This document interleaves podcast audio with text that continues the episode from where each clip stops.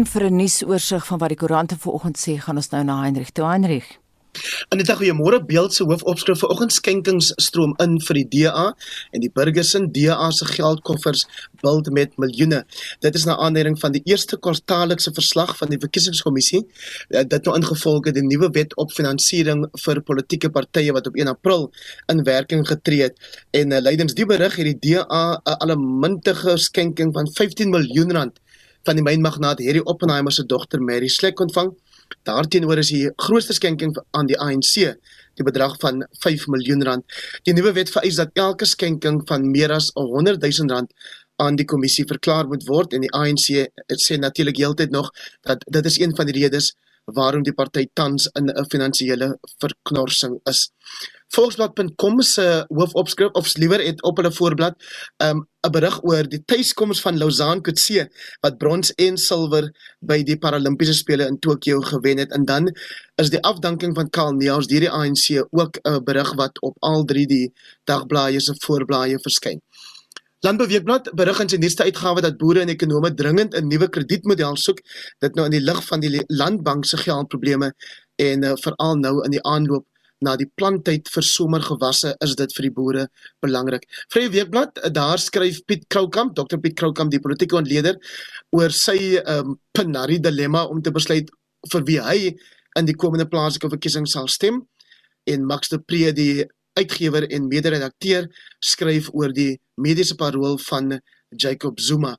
Op News24 se Friday briefing voorblad is die hoofopskrif RET Lonely Hearts Why the Fight Back is Fading en dit handel oor die radikale ekonomiese transformasie faksie in die ANC wie se vinders skynbaar uit is. Daar 'n opsomming van wat in die nuusblaaie en op die nuusplatforms ehm um, verskyn vanoggend. 11 September 2001 sou die wêreld permanent verander. Dit het ook die oorlog teen terreur begin. Môre, 20 jaar gelede, is die magtigste land in sy ekonomiese hart New York op 'n ongewone manier militêr aangeval. Vliegtye het in die wêreldhandelsentrum se twee hoë torings vasgevlieg en Manhattan in chaos gedompel. Dit terwyl ander stede in Amerika ook aangeval is. Wêreldwyd sal min mense die tragiese dag vergeet. Ons hoef vanoggend weet, kan jy onthou waar jy was toe jy die nuus gehoor het oor daardie terreuraanval? Vertel ons daarvan. Stuur 'n SMS na 45889. Dit kos R1.50 of gaan na facebook.com vorentoe skynstreep ZRSG of WhatsApp vir ons stemnota na 076 536 6961 076 536 6961 61. Die impak van die onrus in Julie op die ekonomie van die Durbanse metro word op 75 miljard rand geraam. Dit blyk uit 'n peiling wat die eThekwini munisipaliteit en sakekamers onder sowat 800 sakeondernemings gedoen het. Chegang Chipia of Chipaya van die munisipaliteit se eenheid vir ekonomiese ontwikkeling sê die metro se ekonomie sal na verwagting eers teen volgende jaar dieselfde vlakke bereik as voor die onrus. Dries Liebenberg het meer. Chipaya sê die peiling is einde Augustus met massa SMS'e gedoen. Die vraelys is aan ondernemings in die formele en informele sektor gestuur. Chipaya sê verliese in voorraad en verkope as ook skade aan eiendom en toerusting beloop 75 miljard rand. Sy sê dit sal so 62 miljard rand kos om te herbou en toerusting aan te koop. Businesses were asked how many jobs do you expect that you'll be letting go of because of what's happened? And i think the responses were about 41,000 just the respondents to the survey. Just to put this into context we know that the quarterly labor force survey was recently released by stats sa and we know that the city lost 51,000 jobs between april and june. So if we model this for the rest of the economy looking at in um, along the range of 91,000 job losses businesses within the city. Chipaya sê die geraamde verlies aan voorraad en verkope onder maatskappye wat geplunder is, wat nie voorraad van verskaffers kon bekom nie of wie se werkers nie opgedaag het nie, beloop 40 miljard rand. in sales, the city makes about 48 billion rands worth of sales every month. So this is almost a month or maybe three weeks worth of sales and stock which was lost due to looting within that one week. Sy het uitgewy oor die impak van die skade aan eiendom en toerusting. Een van die grootste onlangse buitelandse beleggings in die stad was Toyota se investering van 2.4 miljard rand in 2019. Sy sê die skade aan eiendom is gelykstaande aan 17 Toyota beleggings.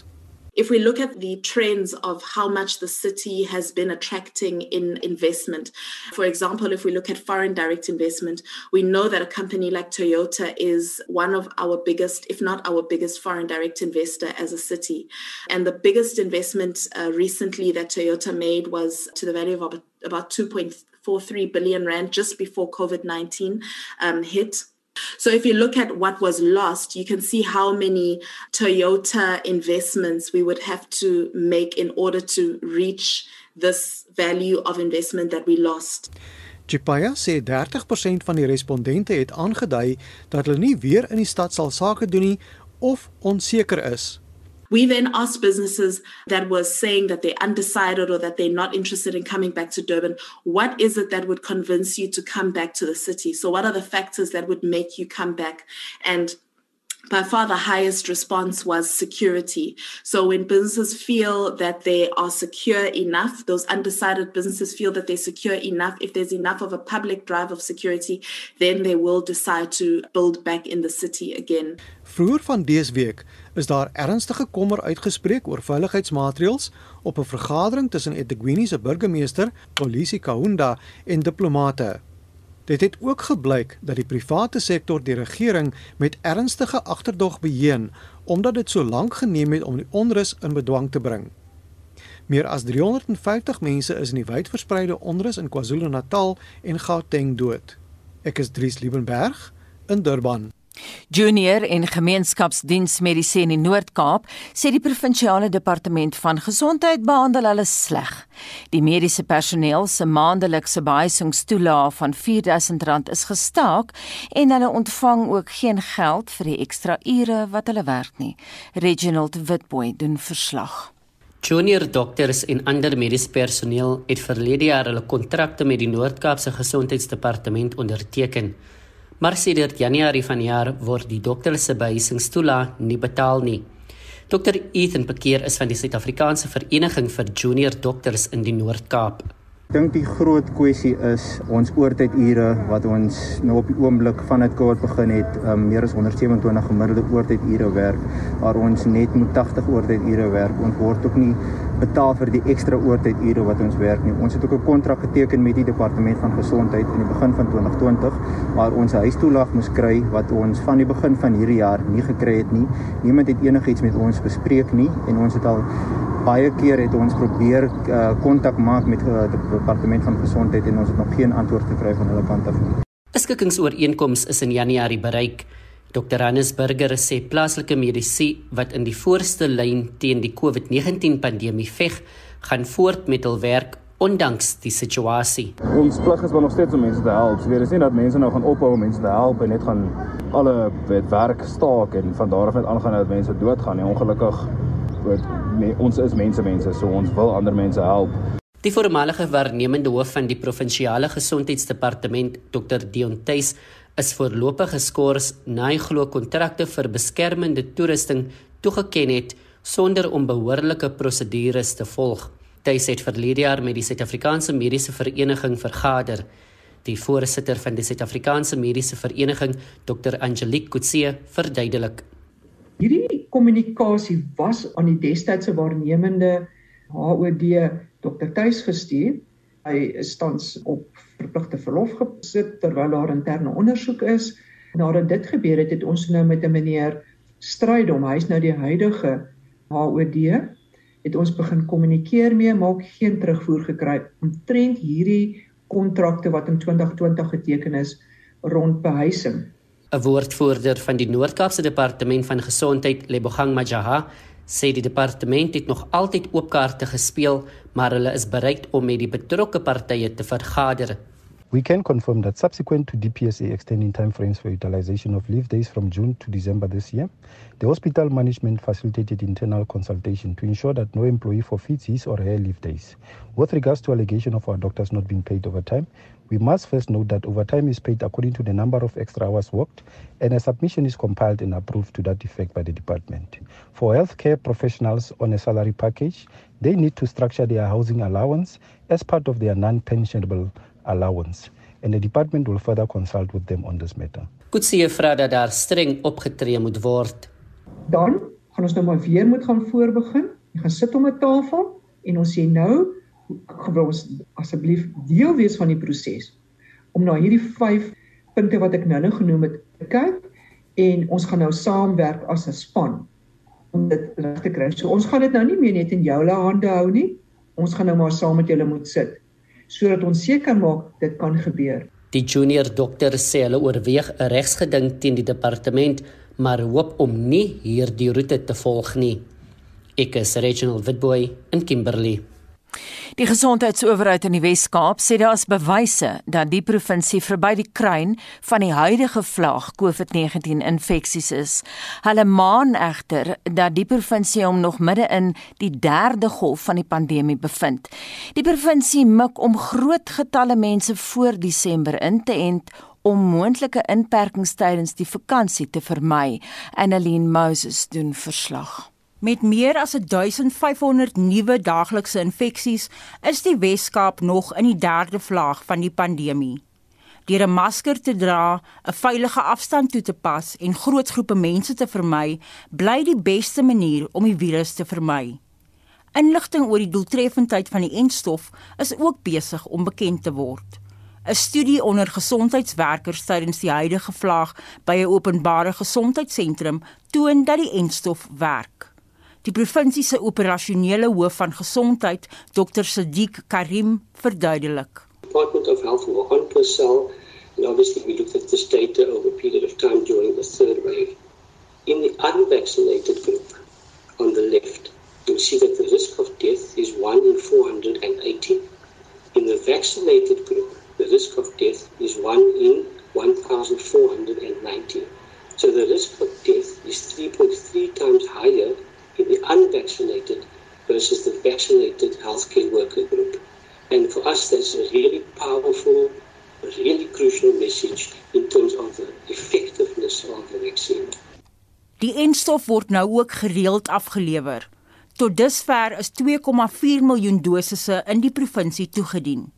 Karim sê hulle wil minstens 70% van alle mense oor die ouderdom van 50 voor Desember inent. Daar is ook planne om ten minste een inspuiting aan meer as 70% van mense tussen die ouderdomme van 18 en 49 te gee. Die Wes-Kaapse premier, Allan Windey, sê beter toegang tot inentingssentrums wat langer oop bly is in die vooruitsig. Uh, while those numbers are coming down, I'm encouraged by the vaccine numbers that are going up. And so please keep let's keep that one going as well. I'd like to really uh, use this opportunity to say to especially the 60 year olds and up in our province, in the Overberg region, 98.2% registrations of 60 and up in the Overberg region. Outstanding, well done. Windy het die nasionale regering versoek om die huidige rampbestuurswetgewing te verlig en sê beter COVID-19 bestuurstelsels is nodig om provinsies in staat te stel om sy eie lot te bepaal. Die verslag is saamgestel deur Mlamli Manelli in Kaapstad. Ek is Annelien Moses vir SAK nuus. Suid-Afrika het 'n oorskot van COVID-19-enstof. Die departement van gesondheid onder leiding van die adjunkminister Sibongiseni Dlomo het die betrokke portefeulje komitee in die parlement op hoogte gebring van die land se inentingsprogram. Volgens die departement is die grootste probleem of uitdaging om mense te ooreed om die inenting te ontvang en om die enstof by hulle uit te kry. Zelin Merrington het al die besonderhede. Senior amptenare van die gesondheidsdepartement sê hulle gaan bewusmakingsveldtogte verskerp om meer mense ingeënt te kry. 'n Kwart van die land se volwasse bevolking is ingeënt met 'n teiken om nog 45% teen Desember te bereik. Die waarnemende direkteur-generaal van die nasionale gesondheidsdepartement, Nicholas Crisp, sê die land het tans 'n surplus van COVID-19 en stowwe.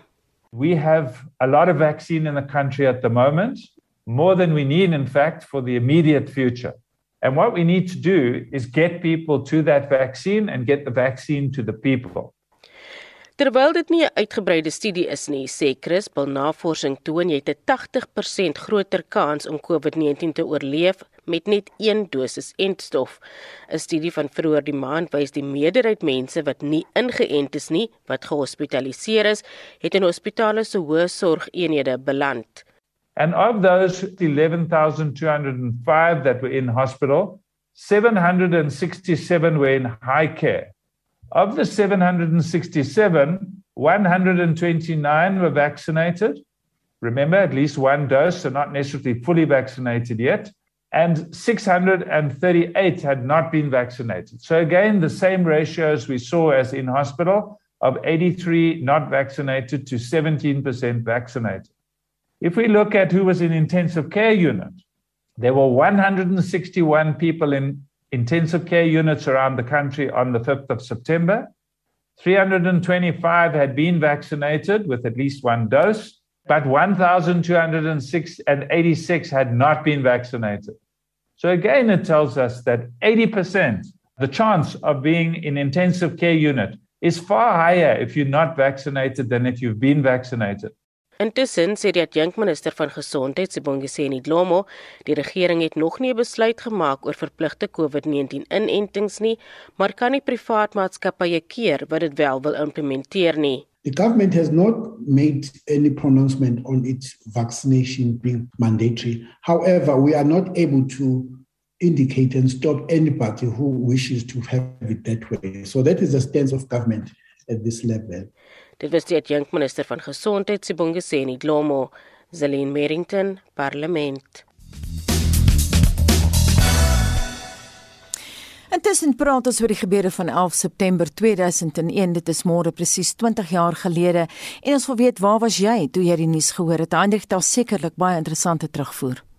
Inderdaad Anita, daar word behoorlik gepraat op ons Facebookblad byvoorbeeld oor mense se herinneringe aan daai dag. Ehm um, Karen Kriek sê ek was aan my kantoor in Pretoria en het dit oor die radio gehoor. Ek het so geskrik want my oudste broer het in New York naby die Twin Towers gebly. Frankie McLaughlin sê ek het gewerk by HTS Vereniging. Een van die kantoordames se dogter het op 'n boot gewerk en hulle kon nie in New York hawe gaan nie. Sy was daarom veilig.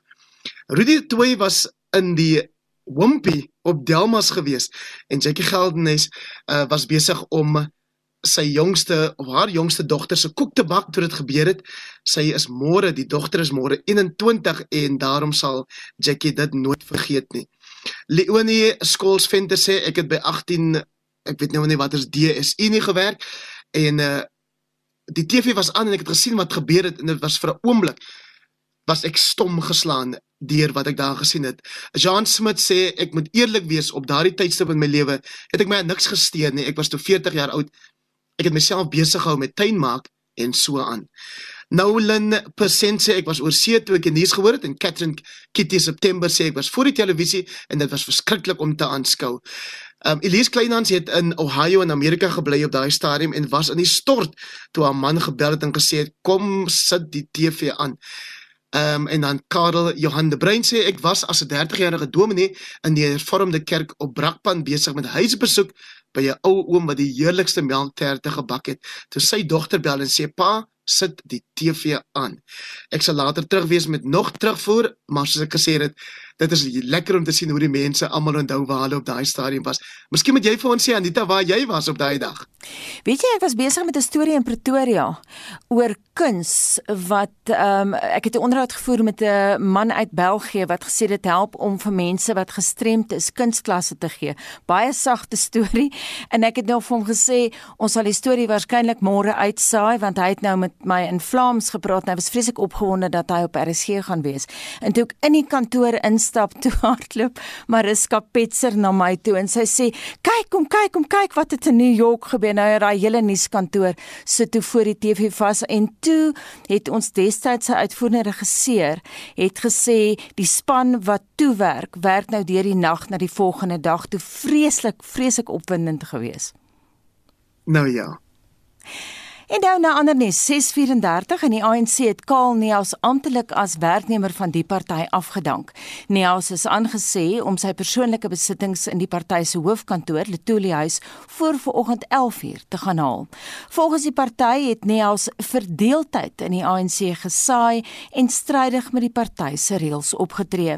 Die ANC woordvoerder Pule Mabe het bevestig dat Neels afgedank is. All he knows about the ANC is distraction. He has listed all the failures to demonstrate to you that uh, he is part of a certain category of arcaders who sit in corners looking for failures of this leadership.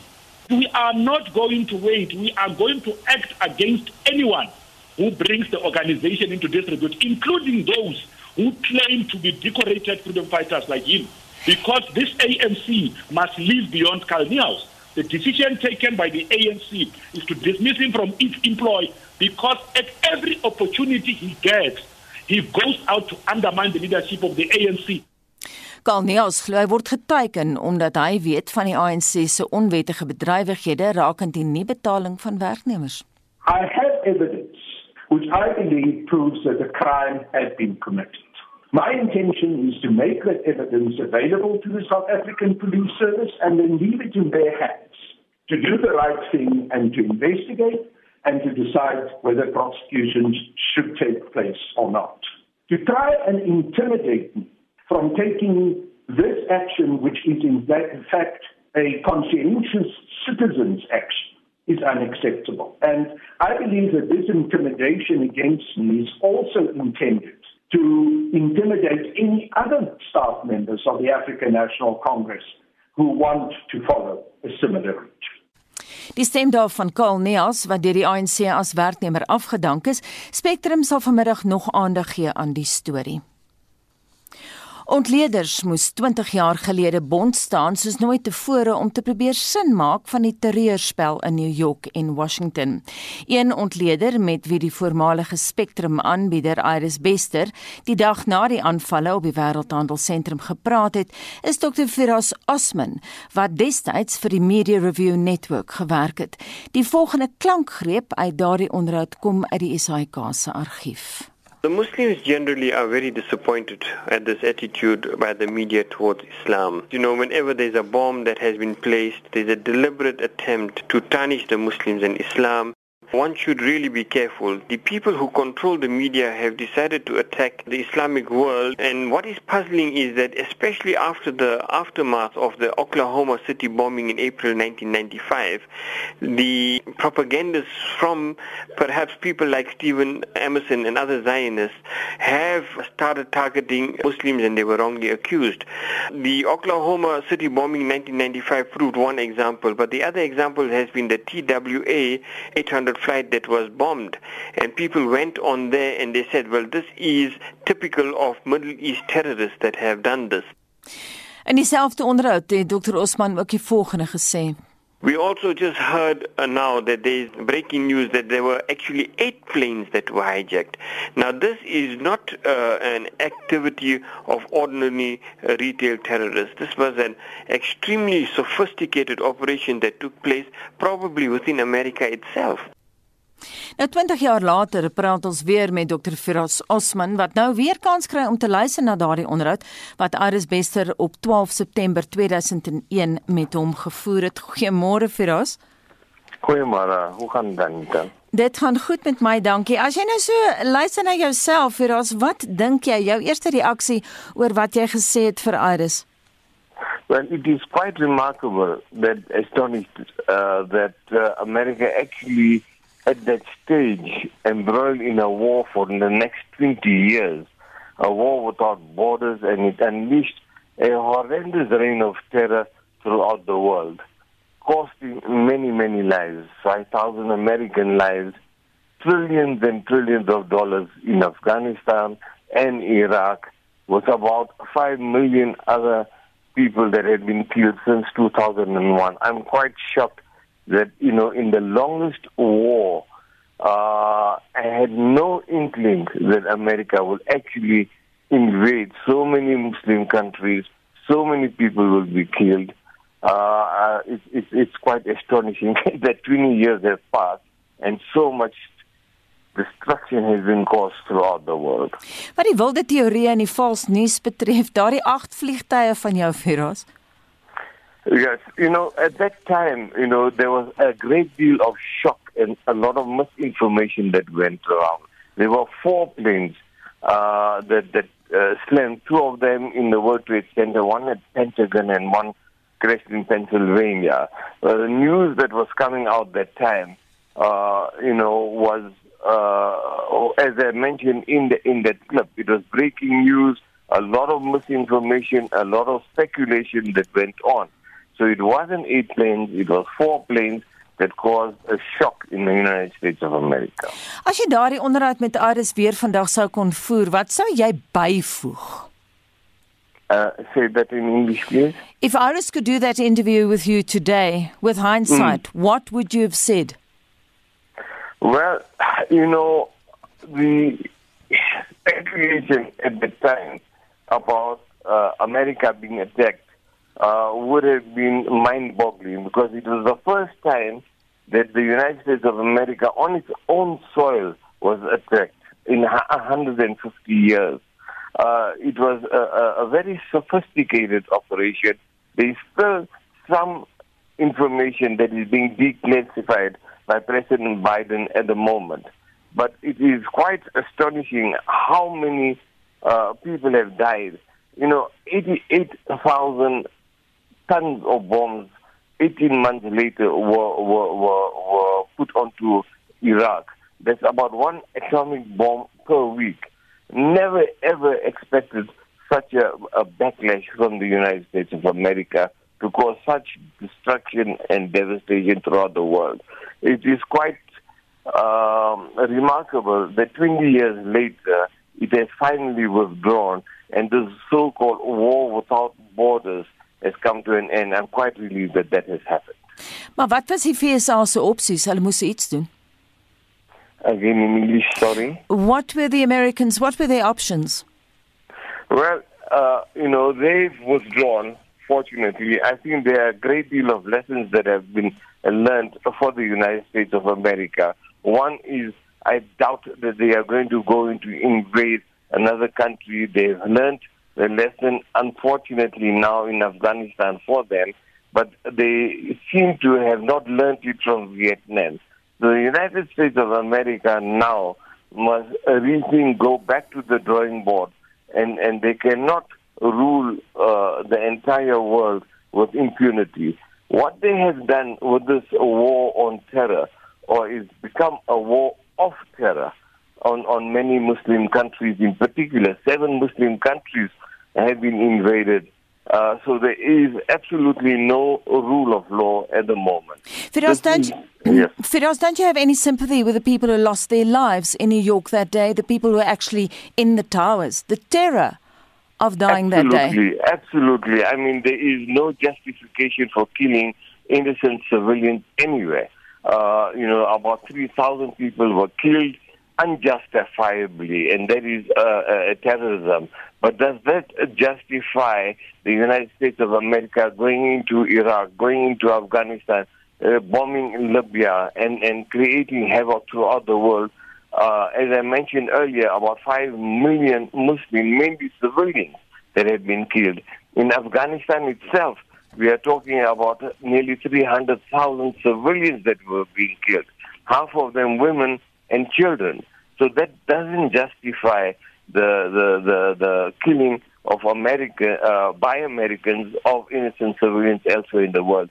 There is no justification by anybody to kill civilians anywhere in the world. That Vir, is terrorism. Firas, jy het ook in die onderhoud met Aris Bester jou kommer uitgespreek oor die verhouding tussen moslems en mense wat ander gelowe aanhang. Hoe voel jy vandag daaroor?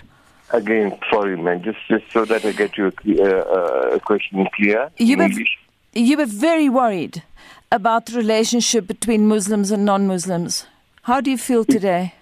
Well, the same, actually. This is where we need to learn the lessons uh, that, you know, this unjustified act of terror and uh, simply uh, profiling any Muslim as a terrorist is unjustified. And this is worrisome because this is what is carrying on not only in the United States of America, but in the West as general, and even in South Africa, the shores where the right wing uh, has decided to profile any Muslim that it disagrees with or wants to uh, target that they are uh, regarded as terrorists. And, and we need to actually define what a terrorist is. What is a terrorist? And anybody that disagrees with the Western way can be profiled and targeted as a terrorist is unjustified. Thank you very much. Shukran dit dan uh, ontleder Dr. Firas Osman destyds by die Media Review Network. En ons bly by die herdenking van die gebeure in Manhattan en Washington 20 jaar gelede.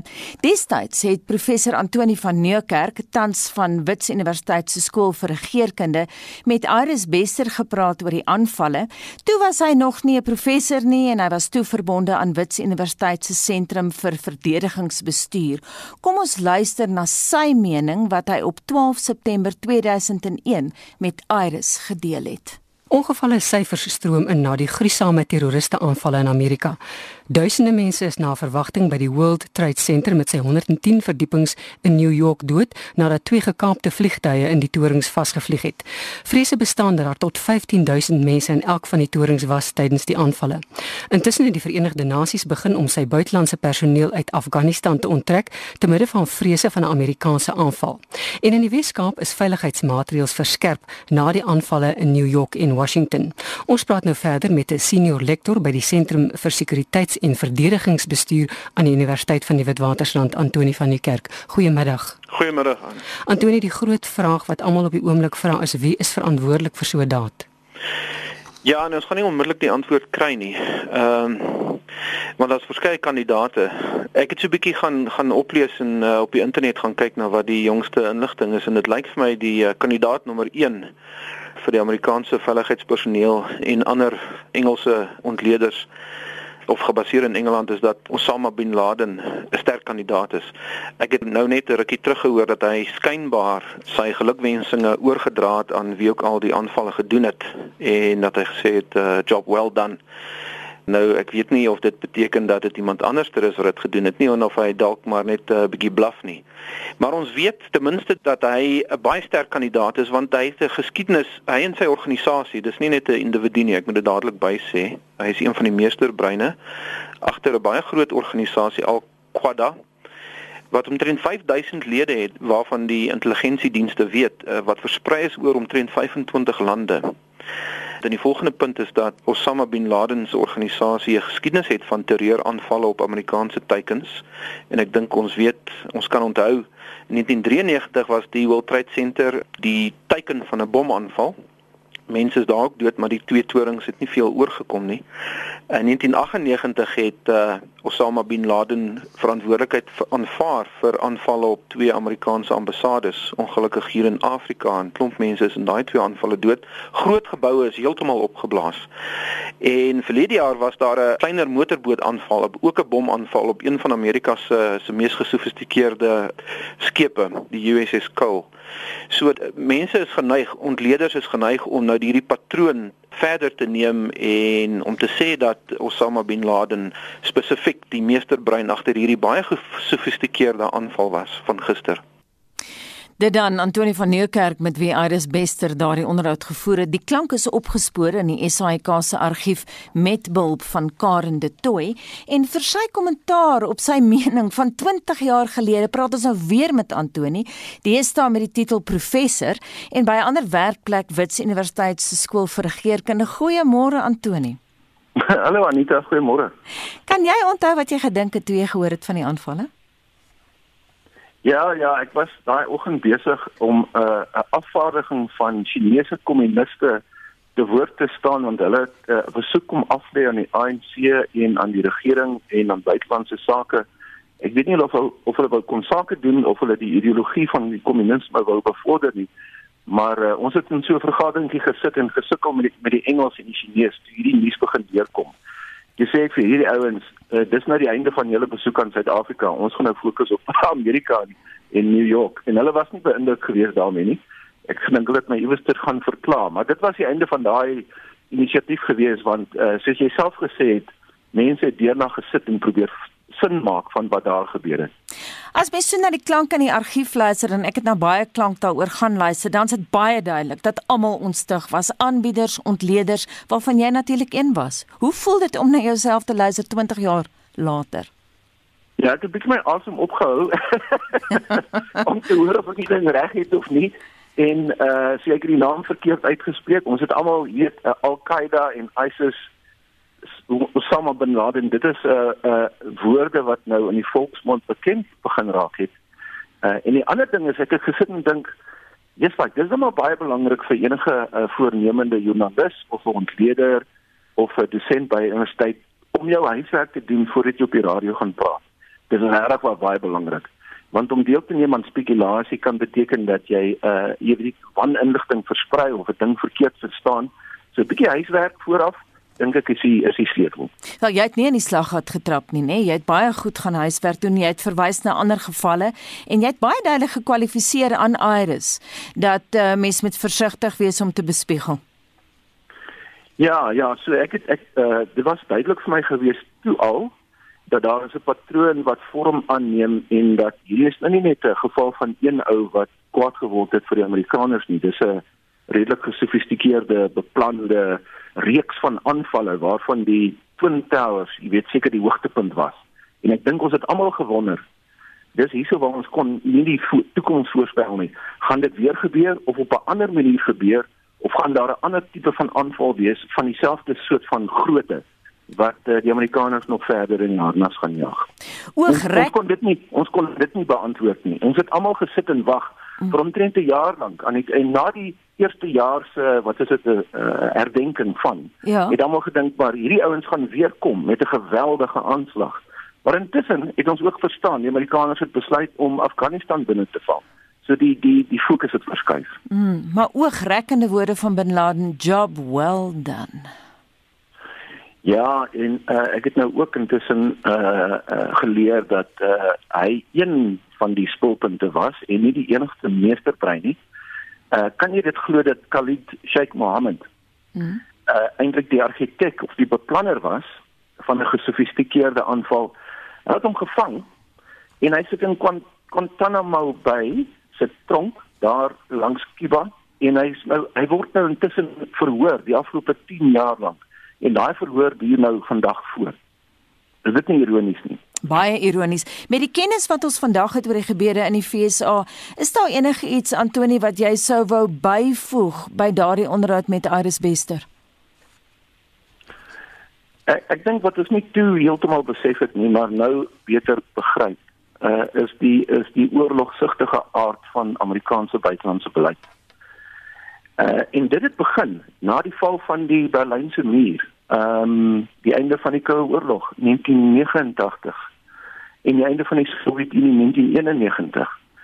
Toe het die Amerikaners gepraat van en dit het groot veranderinge in die wêreld teweeggebring te loops. En toe begin die Amerikaanse ek weet nie ek het gedink aan die woord wat ek soek is hubris, aan die Amerikaanse arrogansie. Mm. Uh the end of history, Fukuyama, uh, onthou jy? die oorwinning van die kapitalisme en die demokrasie teenoor die sosialisme en die kommunisme. Ehm um, en die Amerikaners het gedink dat uh, hulle hulle is die enigste oorblywende supermoondheid en hulle gaan die wêreld bestuur en hervorm in hulle image soos wat hulle dit wil hê. En daai en en om dinge erger te maak, Huntington het 'n boek geskryf, The Clash of Civilization. Mm, maar dit was reeds 76, né? Nee? Hy het eintlik vroeër al geskryf. Maar ek dink wat ons toe begin het uh, besef het is dis eintlik hier in in plaas daarvan dat die die die die post-oorlog era gekenmerk word deur 'n vredes uh patroon. Uh het die wêreld eintlik nog verder in konflik verval. Uh en die die stryd vir die nuwe wêreldorde het in die Midde-Ooste begin vestig. En ek sal my verstout om te sê dat Al-Qaeda en ISIS en ander oorgrens terreurorganisasies die produk is, die gevolg is van Amerikaanse militêre aggressie om hulle imperia imperiale status te behou. En een van die pryse wat hulle daarvoor sou betaal was 9/11 gewees. En toe val hulle Afghanistan in en die oorlogsigtige Bush besluit om Irak ook binne te val. En dit is trouens waar ek dink ISIS vandaan kom. So die die die die dilemma vir 'n supermoondheid is om sy status te behou, moet hy oorlog maak uh, en om sy uh, oorlog te maak moet hy ander lande inval. Dis 'n ongelukkige draai van die geskiedenis na die Koue Oorlog. Ons het nooit 'n era van vrede en voorspoed begin sien veral in die Midde-Ooste nie. Net terug na die Manhattan aanvalle. Jy is nie die enigste ontleder wat die aanvalle beskryf het as uiters gesofistikeerd nie. Ons het nou gehoor Firas Osman het presies dieselfde woord gebruik.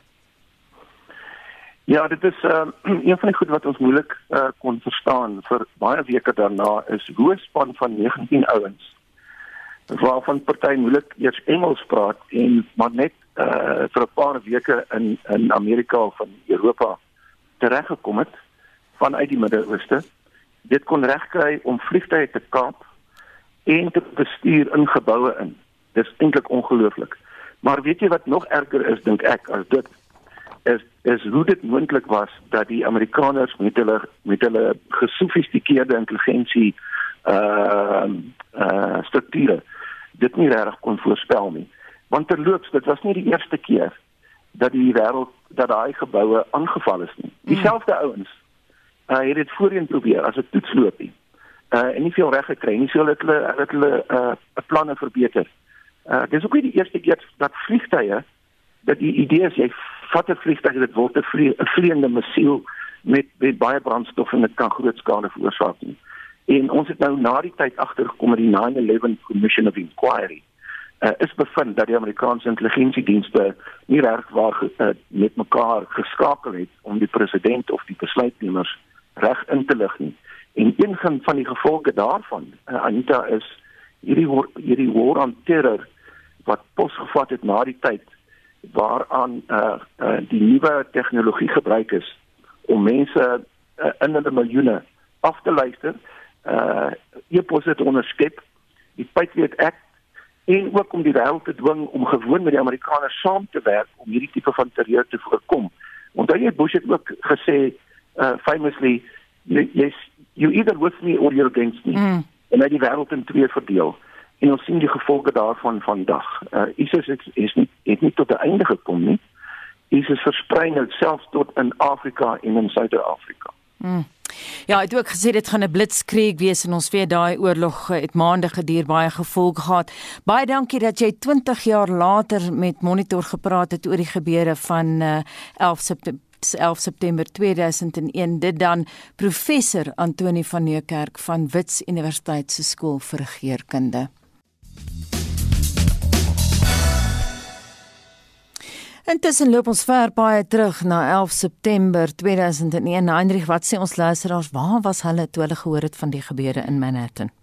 Anita Tuis van Staden sê hy het daai tyd by Iskor gewerk en hy was toe in 'n vergadering met mense van die belastingafdeling toe die nuus ingekom het. Jolandi Maree de Plessis sê sy en haar man het in High Wycombe, ek hoop ek spreek dit reg uit, jy sal weet, Wes van Londen gebly en sy het halfdag gewerk op daai dag om by haar seentjie te kan wees. Ehm um, ek het my ma oor die ek het met my ma oor die telefoon gepraat sê sy toe die nuus gebreek het en ons het saam gehuil en gebid. Baden van der Merwe sê ja, ek vertel altyd die storie. Hier is dit weer. Ek was in graad 10 op skool en ek was besig met 'n wiskunde ekstra klas. Die volgende oomblik hoor ons net die juffrou se man begin skree, "Dai, dai, dai, dai." En toe gaan kyk ons almal op die TV. Ek onthou ook nog die oggend van Oscar Pastorius se dinge skryf Baden van der Merwe. Daai oggend was ek in Bloemfontein by die werk. En dan Christa Potgieter sê, Ek het rustig op die sitkamer bank gelê en boek lees en insluimer toe manlief inbars en uitroep: "Kyk jy nie TV nie?" Hy het die TV aangeskakel net toe vlieg die tweede vliegtyg teen die gebou vas en chaos daarna my rustige dag was bederf. Nellis, kom aan sê ek was besig met 'n musiekles toe my dogter my kom roep het en Louis van Nieker sê ek kan dit nog baie duidelik onthou ek was in 'n supermark en daar was 'n TV aan met 'n uitsending oor wat gebeur ek het toe huis toe gejaag om die TV aan te skakel en kon nie glo wat ek gesien het nie en Olivier Kritzinger en 'n paar inwoners en personeel van huis Formosa die huis vir bejaardes op Joubertina was besig om vleis vir die huis se jaarlikse bazaar te verwerk. Dit tot sover. Ja, bly ingeskakel want uh, na 7 vanoggend fokus monitor op hoe RSG die gebeure van daardie dag hanteer dit op 12 September want natuurlik 11 September het monitor nie geweet dit gaan gebeur nie. Die eerste program op RSG wat daai nuus gedra het en gebreek het was Chaila Tyd en die omroeper daar was Andrei Kutse. Jy kan al die ou stemme hoor, Tossie Logner ook, almal wat insette lewer oor wat in Manhattan gebeur het en dit bring ons by die 7 uur nuus.